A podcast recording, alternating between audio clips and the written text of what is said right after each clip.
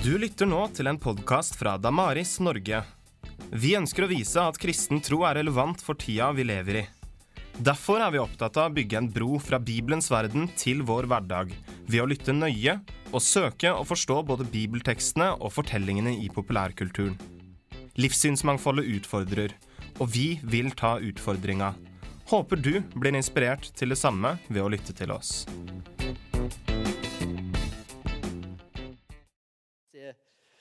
Disse ulike livssynene. Og det ene spørsmålet etter det andre dukket opp. Det var som eh, eh, perler på en snor. Ja, men Jesus, vet vet Jesus var jo akkurat sånn som disse her mytene. Jesus er egentlig bare en kopi av alle mytene fra den gamle tid om, om, eh, om eh, gudesønner sant? som dør og står opp igjen. Og, hvor, hvor, har du det fra? Nei, det, det vitenskapen har egentlig vist det. Og jeg vet jo hvor han har det fra. Delvis eh, Det første kom nok fra denne personen her, Rich Dawkins, som er en av de nye ateistene, som er beinhard ateist. Her har han lagd en filmserie som ble vist på engelsk TV. Jeg lurer på om en av BBC-kanalene. The Root of All Evil. Da er du ganske ambisiøs. The Root of All Evil. Og du kan si, Han bruker ganske, ganske brei kanon. Sant? Han sikter ikke så veldig nøye. Så det som han definerer som ondskap, er tro. Tro som er religion, som betyr at du slutter å tenke. Det er roten til alt onde. Det er grunnlaget for vold, terrorisme, antiintellektualitet og, og antivitenskap osv. Det er roten til alt ondt. Her et av sitatene. Faith is one of the world's great evils. Compar comparable to smallpox. Smallpox er, er um, bylle Hva heter det for noe? Røde hunder eller meslinger, tror jeg. Og de får noen veldig, veldig eh, ekle vannblemmer eh, på hele kroppen eh, av den. Vi har nesten utrydda den nå. Comparable smallpox virus, but harder to eradicate. Det er vanskeligere å utrydde enn et sånn et skadelig virus. Faith, being belief that isn't based on evidence, is the principal vice of any religion. Grunnproblemet med hver religion er tro. For når du tror, så er du per definisjon at du ikke skal ha noe grunnlag eller bevis eller grunner for det du tror. Tro er bare blind tro. Selvfølgelig, Hvis du spurte han uh, Richard Dawkins hvor, hvor finner du den definisjonen av tro henne? Hvilken fagperson, teolog eller tradisjon har du vært og hentet den definisjonen av tro? At tro er en blind tro som ikke har noe med grunner og bevisgrunner å gjøre. Han, han plukket ut den luften. Hans idé om at religiøs tro, spesielt kristen tro, er blind tro, er faktisk noe han tror på blindt selv. Men det er startpunktet for hele hans kritikk. Og her sitter ungdommer ned i 13-årsalderen. Og undersøkelser viser at ganske mange blir ateister akkurat i den tiden. 12, 13, 14. Alt på nettet tilgjengelig. Og disse nye ateistene det er ikke sånn som de gamle, at de var filosofer og hadde vanskelige foredrag. De nye ateistene de, de forenkler det. De forakter faktisk filosofi. Filosofi er bare for pingler. Vi trenger bare, viten. bare vitenskap. trenger vi. Naturvitenskap, mener de da. Slutt slutt å dille med filosofi. De har ikke noe svar likevel. Naturvitenskapen gir oss alle svar. Og Da kan dere forstå at det blir litt trøbbel når du undersøker nærmere. Men en 13-åring undersøker jo ikke nærmere. Han har kun videoen, og der er det enorme mengder av materiale og debatter og foredrag og filmer. Den andre filmen som jeg forsto at de hadde henvist til, er kanskje den store konspirasjonsteorien i vår tid fra Zeitgeist. Hvor mange av dere har hørt om Zeitgeist-filmen? eller filmene? Ikke mange av dere. Nei. Det er jo et internettfenomen. Dette er en, en, film som du finner på nettet, som er laget som en dokumentar i formen. Sånn at det virker som en dokumentarfilm som, som gir deg fakta. Og så er det en enorm konspirasjonsteori. Som bl.a. hevder En av tingene som hevdes, er at Jesus er egentlig bare et oppkok. Jesus har ikke eksistert. Jesus er en myte. Han er bare et oppkok og blanding av gamle myter og masse andre guder og gudesønner som gjorde det samme som han. Eh, og forresten så er det jo en, en uh, konspirasjon her som egentlig sto bak eh, uh, World Trade Center-greiene. Det var ikke muslimer. Dette er helt andre krefter som står bak. Ganske, ganske ville teorier bak i dette, men en av de går på kristendommens oppvekst og sentrum. Jesus Kristus. Eh, og dette har jo da ikke ungdommen noe særlig forutsetninger for å vite noe annet om. Hvis de har vært på konfirmantundervisning, noen har vært det, og så møter dette her først når de er studenter, så har de ikke fått noe materiale som, som, går på det historiske stoffet. De har kun gått inn til Bibelen, til troslærerne våre, som gir de masse viktig om hvordan vi forstår Guds sønn, sakramentene, treenigheten osv. Men de historiske spørsmålene er liksom ting som vi er vant med ikke ta opp, fordi vi starter egentlig med troen. Det er et problem i vår tid. Her er et sitat fra en som heter Hanne Kolstø, en eh, norsk artist med en kristen bakgrunn. Hun eh, forteller om sin vei bort fra kristen tro. Eh, og hun er ikke bitter på sin oppvekst. Hun sa jeg ville ikke vært det foruten, for det ga meg mye. Oppvekst i kristne sammenhenger, på kristne møter osv. Men det ga meg altså ikke en tro som var slitesterk nok. Det holdt ikke. Og hva var det egentlig? Tvert imot begynte jeg gradvis å spørre meg selv hva andaktene egentlig sa til meg. Det som ble sagt her, var som en slags egen boble som ikke berørte mitt liv og min hverdag og de tingene som angår meg, og de tingene som jeg vet virkeligheten består av. Hvilken relevans hadde de for den jeg var, og for den jeg ville være? Hva var sant? En av de utfordringene vi har som kristne i dag, denne, på den misjonsmarken som uh, Norge er blitt nå, er at vi er dårlige til å løfte fram sannhetsspørsmålet. For det er selvfølgelig det første som vi burde møte når folk, når folk eh, spør oss om ja, hvorfor akkurat Jesus, hvorfor tro på det dere tror. Jo, vi tror på det først og fremst fordi det er sant. Ikke fordi jeg ønsker å komme til himmelen, først og fremst. For hvis ikke det er sant, så er det ikke noe sted å komme. Eh, men først og fremst fordi det er sant. Og så har ikke vi gjort den jobben med faktisk å gi gode grunner for å tro at dette er sant. Men det er det veldig mange andre som har gjort. Og la meg føye til det er mange ateister som når de har begynt å undersøke den kristne troen, spesielt spørsmål omkring Jesu oppstandelse, så har de måttet skifte side av intellektuell ærlighet. Det er så vel begrunnet. Det fins nok av eh, mørke hjørner du kan gjemme deg hvis du ikke vil tro. Men det fins mer enn godt nok grunnlag for å tro at Jesus sto opp fra de døde. Og Hvis det er tilfellet, da har vi en god grunn for å tro og for å hevde at dette er sant. Og selv om det kan være mange andre spørsmål å løse tråder. Dette er en, um, en, person fra USA som har jobbet med The Barna Group, som driver med statistikk og undersøkelser om hva som skjer i Amerika, spesielt blant ungdom. Han skrev denne boken, 'You Lost Me', 'Why Young Christians Are Leaving Church', and 'The Rethinking Faith'. Du vet, I Amerika så er det veldig masse kristne. 70% var det i hvert fall for noen år siden, som går i kirka. Det er jo helt vilt. Er det 7% i Norge? Jeg vet ikke. Men svært antall. Vi kan ikke helt sammenligne, sammenligne disse her tallene. Men det som, det som de finner ut i USA, at i horder 70% av ungdommen som har vært i kirker, vært med i kristent ungdomsmiljø, kristent arbeid 70% forlater den når de beveger seg hjemmefra til college. 70% Det er jo helt vilt. Nå er det jo sånn, Folk reiser hjemmefra, da bygger man livet på nytt. Og Før så var det ofte sånn ja, da kommer de tilbake igjen når de sant, kommer fra studiene osv. Han heter David Kinnaman. Kinnaman.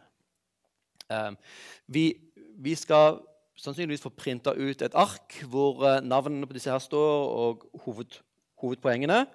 Um, på, på, um, på, powerpointen står der, så da kan dere nok slappe av med, med notatene. Han heter David Kinnaman, og dette er veldig seriøs forskning. Det som er interessant, Her er det intervjuer av de det som er spesielt med de kristne som nå i Amerika, som nå forlater kirka, er at de har ingen tanker om å vende tilbake igjen. De ser tilbake på sitt møte med livet i kirken som mørkt, som dystert, eller som, som diskriminerende, som snevert, som ikke-intellektuelt, antivitenskap.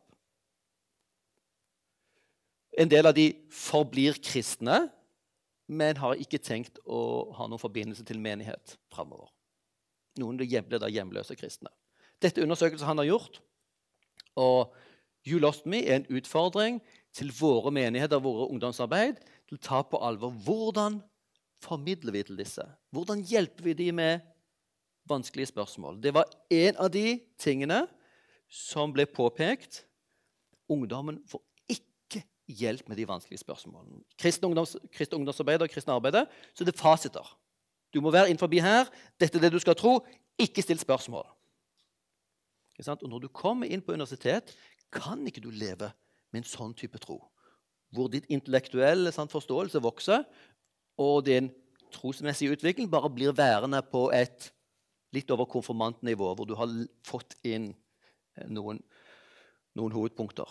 Du er nødt til å la din tro utfordres og kunne vokse sammen med din intellektuelle vekst. Vi har gjort en, eh, på NLA Medieskolen Gimlekollen, hvor jeg jobber, for noen år siden en undersøkelse på vegne av NLM Ung, eh, hvor vi også inviterte inn de andre eh, ungdomsorganisasjonene og, eh, og tok et, en nasjonal undersøkelse av hvor er det ungdomsarbeid i Norge. Sånn at ikke vi, disse organisasjonene og kirkene alle skal satse samme sted, men vi kan tenke strategisk om hvor det, det trengs. Vi tok også noen undersøkelser, ikke bare sånn tallmessig og nasjonalt, men så på en del konkret ungdomsarbeid. Noen som sleit, og noen som det gikk bra, bra med. Det kalles 1025-prosjektet. og i, um, i, en av disse her, Theofilos, som er et vitenskapelig tidsskrift som vi på NLI-skolen gir ut Jeg tror det er det eneste i uh, Norden, muligens eneste i Skandinavia, som går spesielt på dette med kristent tenkning, kristent trosforsvar. Så hvis dere vil enten støtte det prosjektet med å, med å øh, jobbe vitenskapelig med, og faglig. Disse tingene kan dere abonnere hvis dere er interessert i stoffet som kommer ut. Her er både populære artikler og vitenskapelige artikler. Eh, så abonner dere på den. Uh, OK. Um, 1025-prosjektet En av de tingene som, som ble synlig mot slutten, når en tok, tok, overblikket og så hva var som skjedde Så hvis, man, hvis, vi ser på troen som tre aspekter Vi har hodedelen, den intellektuelle delen, med spørsmålene. Du har hjertedelen, som går på følelser, engasjement og relasjoner. Og du har hendene, aktivitet, handling og praksis så fant man på tvers av organisasjonene og kirke, kirkelandskapet at både her og her er vi faktisk ganske gode. Vi har en god del aktiviteter. Vi er geniale på å finne på ting å gjøre som samler ungdom. Vi er også ganske gode på dette med hjertet. Å treffe ungdom, møte dem, eh, bygge fellesskap. Det som viser seg på tvers å mangle, er denne siste hodedelen. Og Poenget er jo ikke det at det, det er rent intellektuelle, men her er et sted hvor ungdommen sitter med spørsmål. Kan jeg stole på dette? Denne Bibelen som vi leste opp i dag, kan vi stole på den? Det fins jo andre religiøse bøker. Dessuten hevder jo mange av mine venner at det er masse feil i Bibelen. at det er konflikt med vitenskapen. Hvor, får vi hjelp til dette? her? Vi må ikke tro at de får hjelp i skolen. Sånt. Skolen er ingen hjelp i å bygge opp den kristne. Det gir en del elementer, men ikke til, ikke, kan ikke gi noen grunn for å tro på den kristne troen. Så her har vi et område som vi som kristne har forsømt. Og det gjelder alle kristne organisasjoner og bevegelser, og, uh, tror jeg vi kan si. Og vi kan si at kanskje dette her er vi offer for kristendommens suksess i Vesten. Kristendommen har rådet grunnen, nesten som monopol, i 1500 år i Europa. Vi har ikke trengt å forsvare oss. Vi spør du vil være kristen eller ikke. Ok. Um, det var utfordringen. Men hvorfor akkurat kristendommen? Hvorfor akkurat Jesus? Har ikke vi blitt utfordret på før nå de siste 50 årene, kanskje. Vi burde egentlig oppdage det spørsmålet før. Eh, Men det står fortsatt ubesvart når folk har vært gjennom vårt arbeid inn i våre menigheter og kommet ut. Og våre kristne, våre kristne ungdommer vet ikke helt hva de skal si engang. Ja, hvorfor skal jeg ikke tro på Jesus? Jeg er humanist, eller jeg er nyreligiøs, eller muslim. Hvorfor akkurat Jesus? Og da er Det navnet på et trosopplæringsprosjekt som vi nå arbeider med, som løfter opp to ting inn i trosopplæring for trosopplærere. Det ene er livssynsmangfold. Vi lever i en tid med enormt mylder av livssyn. Det religiøse livssyn, sekulære livssyn, nyreligiøse osv. Det er gamle religioner, det er nye religioner, og det er selvlagd religion. Alt mulig. Vi tar opp livssynsmangfoldet og sannhetsspørsmål. Så Den første delen er en undersøkelse som nå er ferdig, hvor vi har intervjuet trosopplærere i Agder og spør ja, hvordan i, i konfirmantundervisningen og trosopplæringen hvor, hvordan løfter dere fram dette her med livssynsmangfoldet? Og hvordan, hvordan berører dere sannhetsspørsmålet? At dette vi tror på, ønsker vi å hevde er sant og troverdig, også i møte med alternativene? Og svarene var det gjør vi ikke. Dette er bare å påpeke en mangel hos oss som kan forklares med vår historie. Vi har ikke hatt så stort behov for det, men nå er dette behovet veldig, veldig sterkt. Og med en gang våre ungdommer er ut forbi våre vegger, så kjenner de presset på disse spørsmålene. Det er ingen grunn for at ikke vi skal ta spørsmålene inn, tenke gjennom de sammen med dem og gi dem de beste svarene. Noen er redd for at hvis de, da, hvis de tar opp sånne spørsmål inn i kristen sammenheng, kanskje vi kan skake deres tro. Men tenk hvis det første gang de møter et vanskelig spørsmål, er når de har ut forbi deres menighet har reist. Så da har de ikke verktøyene. Det er ingen grunn til å overlate kristen ungdom sånne svake, så svake, for dette her er, dette er et stort felt som Kirken har jobbet med i 2000 år.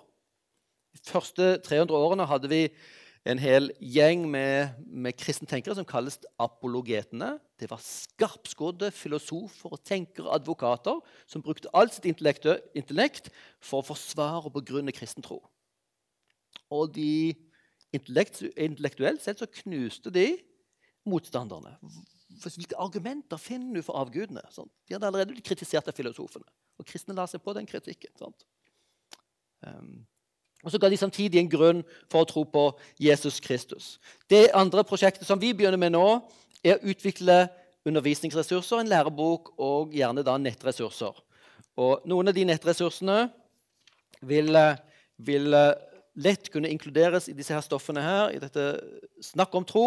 En nettside de gjerne vil dere skal kjenne til. Eh, sjekke ut og dele med ungdommene deres. Eh, det er en ressurs for å hjelpe samtalen rundt tro.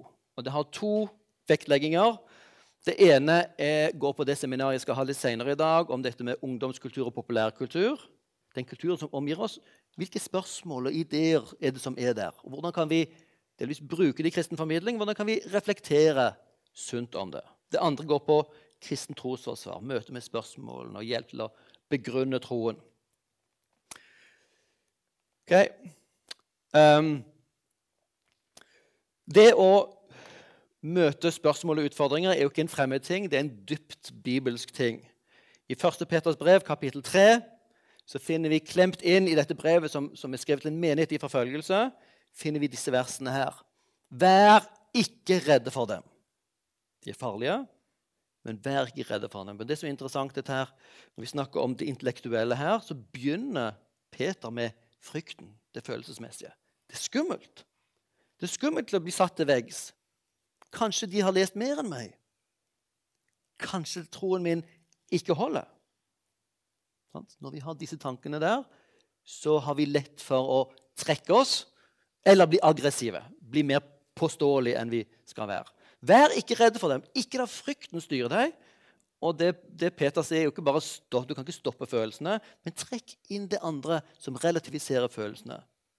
Hold Kristus hellig som Herre i hjertet. Der begynner dette som vi om, skal snakke om nå, om det kristne trosforsvaret. Ikke bare en intellektuell ting å bevise Guds eksistens osv. Hvor du lager en slags vei opp til himmelen, til Gud, gjennom fornuften. Det er meningsløst. Det er umulig. Det er Gud som har kommet ned til oss. Men han har i det også gitt oss gode grunner.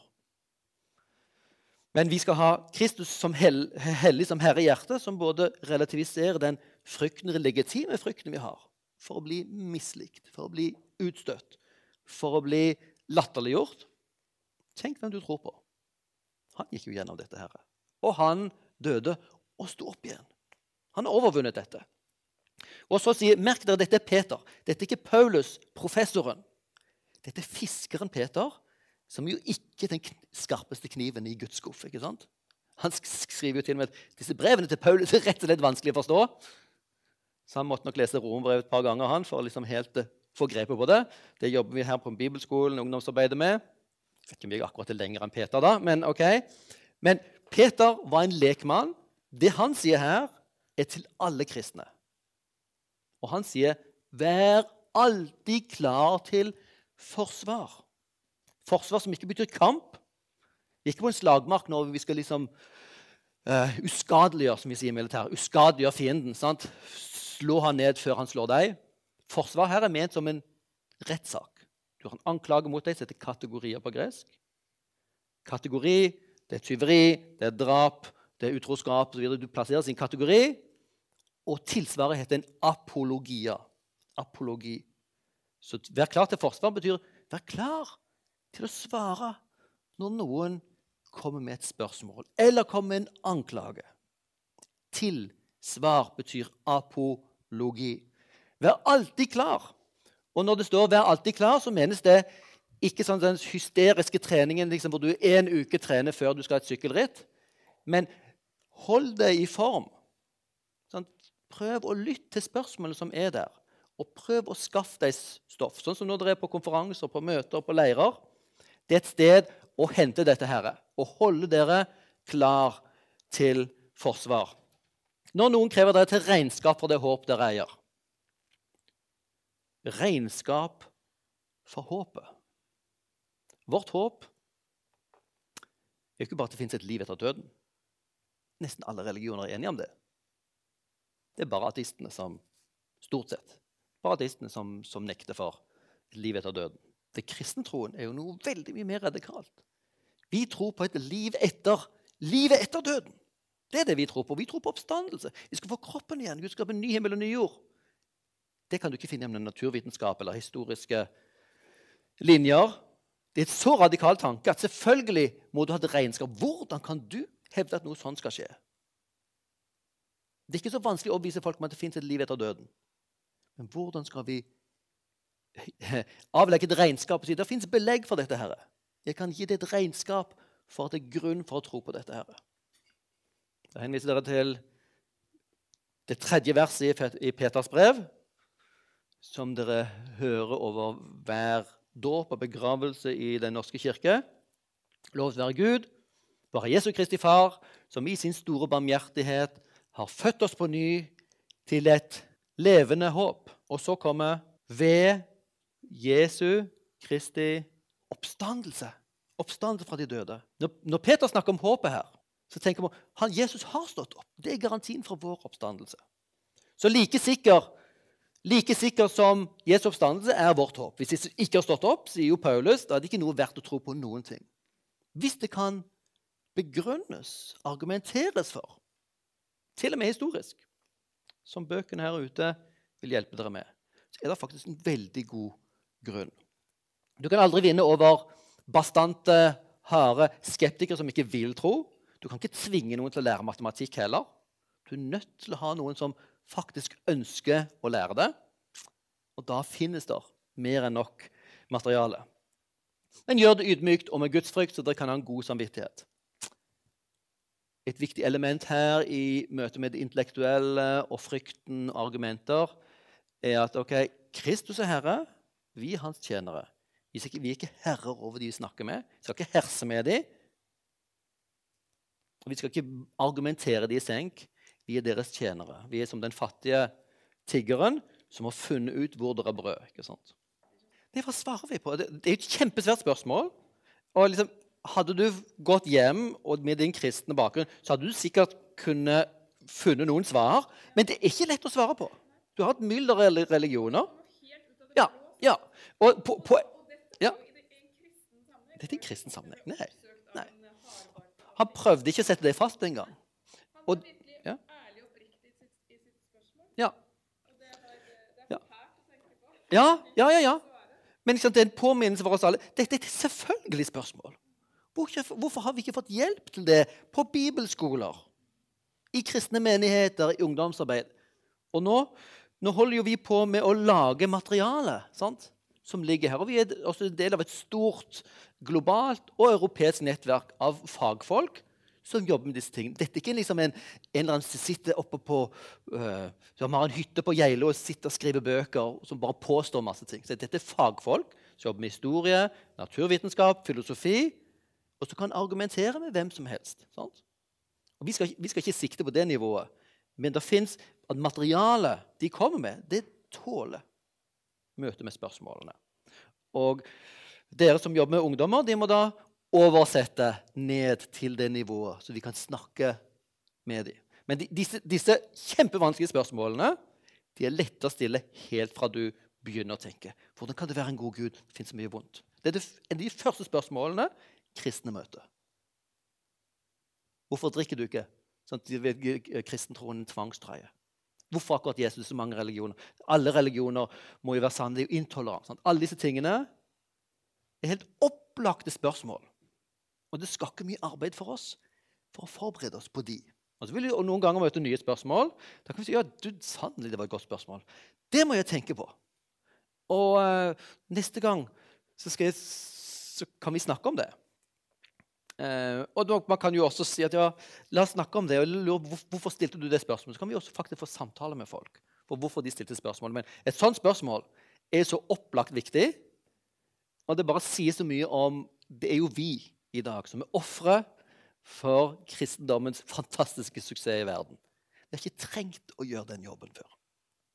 Og selvfølgelig for oss Vi har jo en litt lettere jobb enn både muslimer og alle andre. Vi kan peke på Jesus.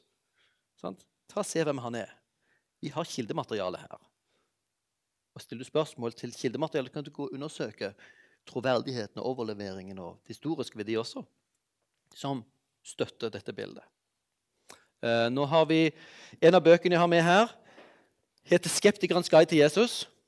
En bok som er skrevet for skeptikere og for kristne som ikke starter med at du må jo tro på Jesus, dette er Guds ord osv., men stiller alle de kritiske spørsmål som han har da møtt opp igjennom. Stefan Gustavsson er nok kanskje den fremste apologeten, en av de fremste apologetene i Europa. Han reiser rundt og debatterer og diskuterer og underviser i hele Europa. Og han har møtt masse ateister, masse teologer. I denne her boken så er det da den, eh, en oppsummering av de siste 30 år med Jesusforskning. Jeg studerte teologi for 30-35 år siden nå. Eh, og det gjorde han også. Det har skjedd veldig mye siden vår studietid. I vår studietid så var det fortsatt generelt ganske stor skepsis. Eh, evangelien var en sånn spesiell type litteratur. Du kan ikke helt vite hva det strengt tatt skulle anses som. Evangelien var en sånn sær sjanger, ble det sagt. Men det er nå konkludert med som det er vitenskapelig enighet om, at evangeliene er biografier. Når du skal se på sjangeren, så er det plassert i, i den antikke biografiformen, som faktisk prøver å fortelle om ting som har skjedd med en person. Du kan ikke liksom, sånn som, i, sånn som for 50 år siden ro deg vekk med dette her legender eller kirkelige historier om Jesus. Det er faktisk vitenskapelig enighet om bl.a. sjangeren der. Og Det kan være en nyttig ting for oss å vite. For faktisk så hentes veldig mye av bibelkritikken opp, som har holdt på i 200-300 år. Av de, den, mye av den kritikken er jo helt avleggs nå. Skillet mellom troens Jesus og historiens Jesus, sant? som de gamle Bultmann og gamle liberale teologene opererte med, det har man funnet ut. Det, det er ubrukelig måte å skjelne på. Som historiker så går du inn og sjekker kildene, men du kan ta ikke en forutsetning om at dette som er skrevet her, er noe helt annet nødvendigvis enn den historiske Jesus som levde. Eh, og du vil fortsatt møte masse av disse forestillingene fra muslimer som argumenterer mot kristen tro mot Bibelen. De har lest en god del liberale teologer, og de har hentet materiale da fra 50-100 år siden. Så her har vi materiale som er mye nyere og mye bedre belagt. Hvis vi bare setter oss inn i det. Dette er altså det er 23 kapitler. Bare så vidt. Det er, ikke, det er 184 sider. Tenk så kort bok. 23 kapitler, tror jeg det, som summerer opp Jesusforskningen. Dette trenger vi. Dette trenger vi å gi hendene på våre skeptikere, de som faktisk vil undersøke. Det er mange folk som ikke er interessert i det, og de skal vi jo ikke plage. Men det kan jo være vi kan ha noen samtaler med dem. Hva tror du for noe? Hva tror du om Jesus? Da må de begynne å tenke. Tror de han er en myte? Mm, det var interessant. Hvor har du det fra? Tror du han bare var et menneske? Ja, interessant. Hva, hva, tenker du om de tekstene som sier noe annet? Hvordan forklarer du de? Så kan vi i hvert fall få noen, fall få noen samtaler. Ok, La meg si et par ting om uh, Det var tre hoved, hovedting uh, jeg tenker å løfte fram uh, nå. og vi, Det er ikke spesielt vanskelig, men det, det har med alle disse tingene å gjøre. Det første går på spørsmål, det andre går på livssynsmangfold, det tredje går på skepsis. Og når vi bare ser dette, så er det egentlig ganske opplagte ting at dette er ting som vi som kristne burde ta opp, og som ikke er trusler. For det første spørsmålene. Jesus is the answer. Hva var spørsmålene? Jeg tror det er viktig når vi tenker på spørsmål, se på det som en gave. Vi ser på det ofte som en trussel. Det forstyrrer våre møter. Vi er vant med en preken, og så skal folk holde kjeft, og så skal de gå ut. Uh, ta med deg at det ikke 'don't rock the boat'. Uh, og det er litt synd at vi har kun den altså bibelgrupper. Der er det ofte rom, men vi har kanskje ikke lært våre bibelgruppeledere til å hjelpe disse spørsmålene fram, som går på dette, disse tingene. Men nå har vi altså en, en, eh, dere kan ha sånn et bibelkurs. Hva heter, hva heter det? De som, de som eh, administrerer og gir statsstøtte for sånne kurs? KSTUD. Ja. Det har vi nå utviklet. Syv samlinger. Du kan få statsstøtte for det. Um, og, og, eh, basert på denne boken. Og det er en video til hver samling. Så du kan lese boken diskutere spørsmålene, og du kan se på den korte videoen som introduserer hver samling. Det kan man ha i bibelgruppene osv. Så, videre. så nå er det ikke en grunn til å være livredde for dette. Spørsmål er en gave. En av våre største utfordringer som kristne er at vi opplever folk som ikke er interessert. Folk liker ikke evangelisering. Du kan jo tenke deg selv når du får mormoner og Jovas vitner på døren. Sant? Vi har alle opplevd det. Vi er ikke spesielt vi prøver jo å være hyggelige, men vi er ikke jublende glade. Vi syns dette er plage, og de er arrogante, og de tror de har sannheten. Og så er det jo akkurat det samme vi gjør. Sant? Vi er ikke så flinke og frimodige som de. Men folk ønsker ikke å bli plaget. Så vi må finne arenaer og måter å nå inn til folk på. Hvis du får et spørsmål, så er, har du rett til å svare. Ikke sant? Mens hvis du buser, ja, er du kristen? Har du din sak i orden med Gud? Sant? Sånn som en av våre medmisjonærer gjorde. Han fikk en, en, en kjent amerikansk misjonær i, i, Tanzania. Han var særdeles original. Han tok på en haiker og benyttet alltid anledning. Um, og han, eh, Første spørsmålet til, til haikeren ja, Are you ready to die? Og han ville veldig raskt ut. Men han skulle evangelisere. ikke sant? Forberede mennesker til å ta imot Jesus. ikke de skulle være redd døden. Så det ble ikke helt forstått. Um, uh, men spørsmål er en gave. Hvorfor tror du på Jesus? Uh, hvorfor drikker du ikke? Det er jo en, en sånn evig plage når vi er ute med de som ikke, er ikke-troende. Så vi tror vi, En av utfordringene at vi har for få ikke-kristne venner. Eh, når de da ser at vi ikke er av totalavhold, ikke fordi de er kristne, men fordi de ser på det som et sosialt ansvar for de som har tendenser til avhengighet, skaper noen hull og rom for, for avhold. Så jeg ser på det som en viktig, viktig ting. Men du får alltid spørsmål å, er du kristen. Aha, jeg visste det. Du har ikke lovt noe gøy. Ikke lek, ikke humor, ikke sex, ikke alkohol. De tingene som er gøy. Um, du har i hvert fall en anledning til å snakke om de tingene. Får vi et spørsmål, så har du rett og anledning til å svare. Det er ikke alltid at vi skal benytte anledningen. Sånn at det kan tenkes at folk er bare ute etter å herse, og da kan det bare få lov å henge i luften. Eller det kan være vi får frimodigheten til å stille spørsmål tilbake igjen. Men det, det, det, at de ikke drikker, har ingenting med min kristne tro å gjøre. Bare at de ønsker å lage noen, noen, rom for å ikke drikke, fordi vi vet at eh, avhengighet av alkohol er et av de største samfunnsproblemene i den moderne verden. Så jeg savner ikke et øyeblikk. Jeg hadde faktisk veldig morsomt uten. Um, og jeg lurer veldig på hvorfor så mange moderne mennesker er så hysterisk opptatt av å drikke og ruse seg og glemme hva de har gjort i helgen. Hvor gøy er det egentlig? Okay? Gir oss anledning til å svare. Et spørsmål er en gave, og så er det samtidig en utfordring. ikke sant? For det utfordrer oss til å tenke sånn som, sånn som de spørsmål, spørsmålene du nevnte. Ja, men nei, Hvorfor akkurat det? Kristendommen. Vi, vi, er nødt til å gjøre tank tankearbeidet. Og det hender, vi vil, vi, vi vil jo alltid få spørsmål vi ikke har tenkt igjennom.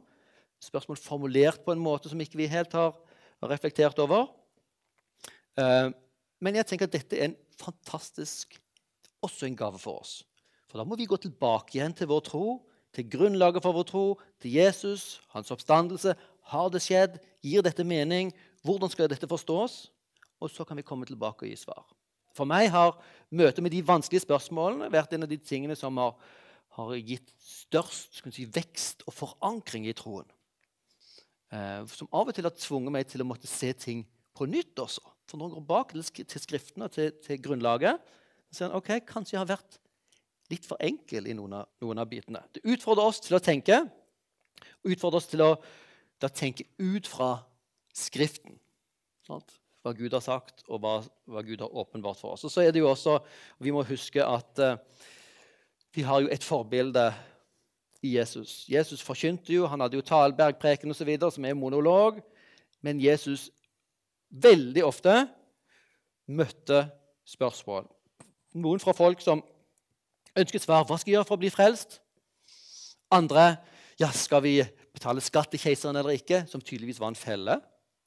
Og den fellen så jo Jesus.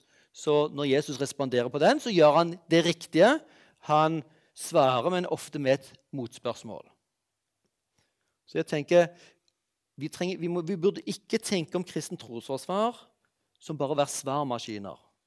Men vi burde tenke om det som ok, La oss tenke sammen om det du sier her. Hvorfor sier du dette? her? Er det spørsmål som plager deg, eller har du sett det noe sted?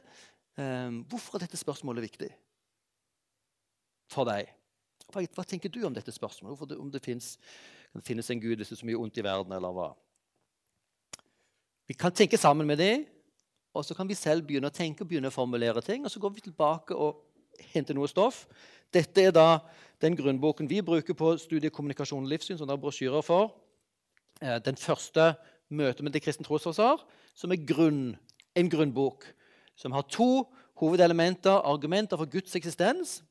Fordi i vår kultur er det ganske store tvil om Gud faktisk eksisterer. Så finnes det faktisk veldig gode filosofiske argumenter og grunner for Guds eksistens. Eh, og disse tegnes opp her. Og så for Jesu identitet og oppstandelse. Det er de andre, det er de to søylene i klassisk kristen apologetikk. Gud finnes. Vi vet hvem han er. De har god mening å tenke at Gud er personlig vesen, sant? siden han har skapt oss som personer.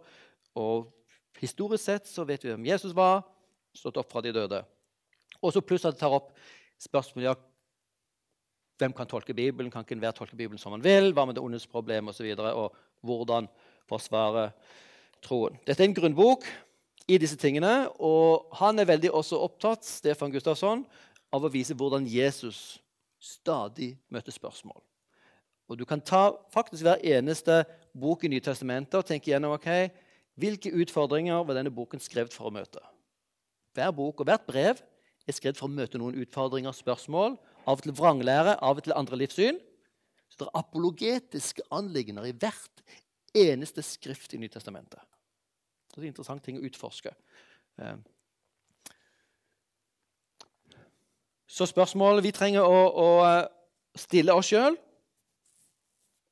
For å starte dette gir vi rom for spørsmålene. Og jeg tenker Både i større samlinger på møter Hvis vi lager rom for dette, har dere noen spørsmål til dette. her. Og en del ungdommer har ikke den sjenansen som vi er vokst opp med. For jeg kjenner at min hånd er veldig tung på kristne møter. Selv om vi sitter med et spørsmål, så syns jeg det er pinlig. Det passer ikke. Men en del unge som har gått på skolen og det første de gjør, rekker rekke opp hånden, så har de ikke lært den kulturen enda. Og det kan vi på en måte være med å bekrefte. Det var et viktig spørsmål. Det burde vi skrive ned og ta opp en gang. Ja, Hadde andre tenkt noe på det spørsmålet? Sånn? Å skape rom for spørsmål. Tar vi spørsmålene på alvor, Det betyr å ta personene på alvor. Det er en av de viktigste tingene våre som Peter legger på oss. Når vi skal, når vi skal forsvare den kristne troen, så er det ikke Gud som trenger hjelp. Gud står veldig støtt. Og som, som han, eh, Søren Kirkegaard sa det eh, Bibelen trenger ikke forsvares. Det er som en løve. Slipper han løs, så gjør han jobben. Men mennesker trenger dette, her, for de har murer og spørsmål og innvendinger til kristendom som gjør at de ikke nærmer seg Jesus. Så vi trenger å være veiryddere eh, og brobyggere fra der hvor de er nå, med sin skepsis og religionsmangfold og spørsmål, inn til troen. Utfordrer vi de til å tenke selv, ikke bare gi svarene, altså. Det kan vi godt være med å bygge opp en kultur for.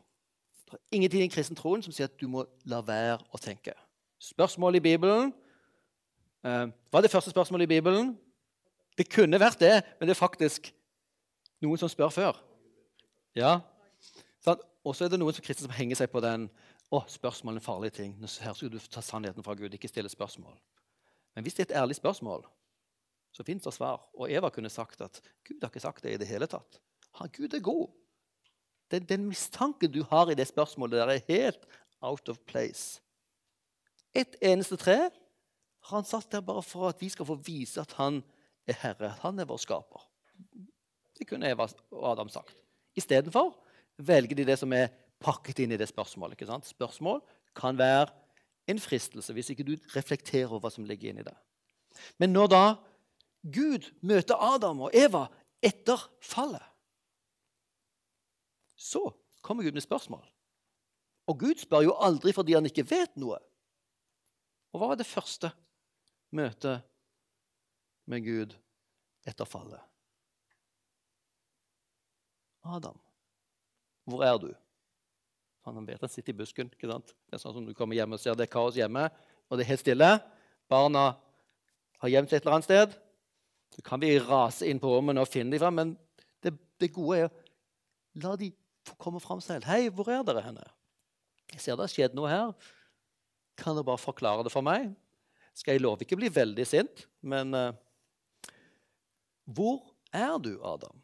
Gud møter med spørsmål for at Adam selv skal svare på spørsmål. Har du spist? Og Det som du ser det interessante i svaret, er jo Han svarer jo bare halvveis. Det var kvinnen som Det Gud ønsker, at vi skal snakke sant om oss sjøl. Ja, jeg har spist. Jeg beklager. Tilgi mine synder. Der ønsker Gud oss. ikke sant? Men det skjer i møte med Guds spørsmål til oss. Det var raskt om spørsmål, og så vil jeg bare understreke noe om dette med livssynsmangfoldet. Uh, vi, vi, lever i en tid med hvor spørsmålet om, om uh, hvorfor akkurat Jesus er de mest opplagte. Uh, og en, en, av de måtene dette livssynsmangfoldet presser seg på oss på, er, er jo ved den store fortellingen virkeligheten er større enn oss. Vi må ikke tro at vi har sannheten. Uh, vi ser jo ikke hele bildet. Vi er som de blinde som famler på denne her elefanten. Og Det kan være lurt at vi har tenkt gjennom hva som er problemet med denne lignelsen om de blinde og elefantene. Den ene elefanten. Problemet er hvem forteller historien. Den som ser alt, som vet at alle famler på samme elefanten. Alle ser en delsannhet. Du kan kun fortelle denne historien hvis du sjøl er den som definerer virkeligheten. Du kan se at alle religionene famler etter faktisk samme tingen. Så dette er ikke en ydmyk fortelling om at alt er relativt. Dette er en arrogant påstand om at det er én som ser, nemlig personen som forteller her, at alle de andre religionene ser på, faktisk på samme ting. Så vi, å stille spørsmål til sånne typer fortellinger om, om religion er ulike veier opp til samme fjellet, trenger vi å reflektere og tenke kritisk over. Eh, og så trenger vi å sette ord på hvilke livssyn vi har omkring oss. Og vi arbeider med en, en, teori om at alle har et livssyn. Ikke alltid gjennomtenkt. De vet ikke helt hva de tror. Først når de møter ting som de er skeptiske til, så dukker opp hva de tror på. Dette er noen av livssynene vi trenger å kjenne til, som dukker ofte opp i populærkulturen. Jeg synes det er en veldig god måte å bruke film eller filmklipp som en illustrasjon på hvilke ideer som finnes der. Og Noen av de vi har vi får formidle til, vil ligge nært noen av disse har hørt om de, eller tiltrukket av de. Når vi tar de fram og prøver å forklare hva som er forskjellen med kristen tro og dette, så gir vi de en hjelp og, og uh, veiledning. Uh, jeg vil si noe om, om skepsis til slutt. Det var den siste Se om dette fungerer. Ja. Vi har en tendens til å se på skepsis som noe som er det motsatte av tro. Hvis vi tenker litt nøyere etter, så er det faktisk ikke slik. Fordi all skepsis, all intellektuell skepsis er basert på en tro som ligger der på forhånd. Hvis du er skeptisk til underet Hvorfor er du skeptisk til underet? Fordi du tror det fins naturlover, og at du tror det kanskje ikke fins noen gud som kan bryte inn naturlovene. Det er den trosforestillingen som skaper skepsisen. Hvis du er skeptisk til Jesus, er det fordi du tror at disse evangeliene ikke er pålitelige, eller du tror det er en konspirasjon osv. Kulturelle forestillinger gir oss en skepsis. Når vi møter skepsis, så er vår jobb å godt prøve å finne ut ja, hva er det du tror som gjør deg skeptisk. Eh, hva er um, Hva er det du er i tvil om, hva er det du er skeptisk til, og hvor berettiget er den skepsisen? Uh, så jeg tenker vi, Det å stille spørsmål er jo også egentlig å oppfordre litt til potensielle skeptikere i gjengen sant, av unge, unge, kristne. Og vi trenger å lære dem at okay, til og med en skepsis har alltid en tro som ligger under. Hvis ikke du hadde en tro, så hadde du ikke vært kritisk overhodet til Jesus, tro på Jesus. De som ikke har en tro på forhånd, de vil bare ta imot alt det vi sier om Jesus. I det øyeblikket de, det er noe de ikke vil ta imot, så viser det at de faktisk har en tro. Og Vi må huske at Bibelen oppfordrer til å undersøke og stille spørsmål. Husker dere de, de som fikk sånn skryt i Berøa? Paulus hadde vært i, i flere byer oppi der i, i, Hellas og kom til Berøa. Der var de veldig flinke. Så hver gang han hadde hatt forkynnelse, så gikk de hjem og sjekket med skriftene om det stemte. Altså Den kritiske holdningen, det ville undersøke, trenger vi å, å oppmuntre til. Og på akkurat, som, akkurat samme måte som tro kan være to forskjellige ting. Tro kan være å være helt bastant, du er bare skråsikker og ikke åpen for noen ting, så kan en skepsis egentlig være en kopi av den troen. Du er bare bestand. Det fins ingen Gud. Jeg vil ikke undersøke. Da er ikke skepsis noe sånn intellektuelt redelig i det hele tatt. Både tro og skepsis trenger vi å åpne for virkeligheten. Og den virkeligheten har Gud brutt inn i. Så vi trenger å utfordre folk og være trygge på å undersøke. Og Jesus har gitt nok for å tro på han. Og det eh, gir dette her stoffet dere verktøy til å kikke på. Og Dere finner mye av det stoffet også på Snakk om tro. Eh, og her kan du faktisk studere dette her, disse typene spørsmål. Både se på populærkulturen, hva skjer i ungdommens livssynsdanning. Eh, hva med de vanskelige spørsmålene? Hvordan kan vi formidle kristen tro på tvers av livssyn? Vi har et rart studium som heter Kommunikasjon og livssyn, som ironisk nok kommuniserer dårlig. Kommunikasjon og livssyn, var i alle dager er det? Men det er kristen formidling på tvers av livssyn. Hvordan møter vi ateistene? Hvordan møter vi de nyreligiøse? Hvordan kan vi også gjøre en kristen formidling som forbereder ungdom på møtene med livssynsmangfold? Så, så uh, gjerne be for dette. Spre dette til folk som du tenker trenger det. Er det noen som skal studere og um, studere og ikke helt vet hva de skal, så dette er et supert studium for å forberede seg til akademia. Møte de store spørsmålene. Vi har hatt folk som har ferdig med teologien og som kommer og tar dette studiet, så dette er det mest spennende året vi har fått. Det er det nyttigste året jeg har fått. Ikke fordi at de var så akademiske, men fordi at dette var så relevant og det var så praktisk, og det ga meg et grunnlag å stå på. Så ta dette med dere. Eh, gjerne be for oss og spre dette stoffet, som nå Gud har gitt i deres hender. Deres hender. Og vi skal være så, så um, tillitsfulle til vår Gud at vi ikke er redd for livssynsmangfoldet. Men vår tro på Jesus den tåler livssynsmangfold. Sånn var det fra starten. Det er når du ser den kristne troen målt opp med de andre, da ser du Jesus stråle mye bedre. Når vi prøver å holde Jesus pakket trygt inn i de kristne eh, bedehusene og lokalene våre, så ser du ikke så tydelig hvordan Jesu herlighet han overgår alle andre alternativene. Skepsisen hvis det er en åpen skepsis, og det finner du ikke ut for du har snakket med folk Hvis folk er åpne skeptikere, så har vi veldig mye å gi dem langs en vei. Guds velsignelse videre arbeidet. Jeg, har, jeg selger noen bøker her. Jeg har kortterminal. Eh, og gjerne kom med spørsmål osv. Så, videre. så eh, takk for nå. Nå er tiden over. ikke sant? Jeg håper det var en time og ikke tre kvarter. For da hadde du sagt fra. Takk for at du lyttet til denne podkasten fra Damaris Norge. Du finner flere ressurser fra Damaris på snakkomtro.no, kulturvindu.no og konfirmantonline.no.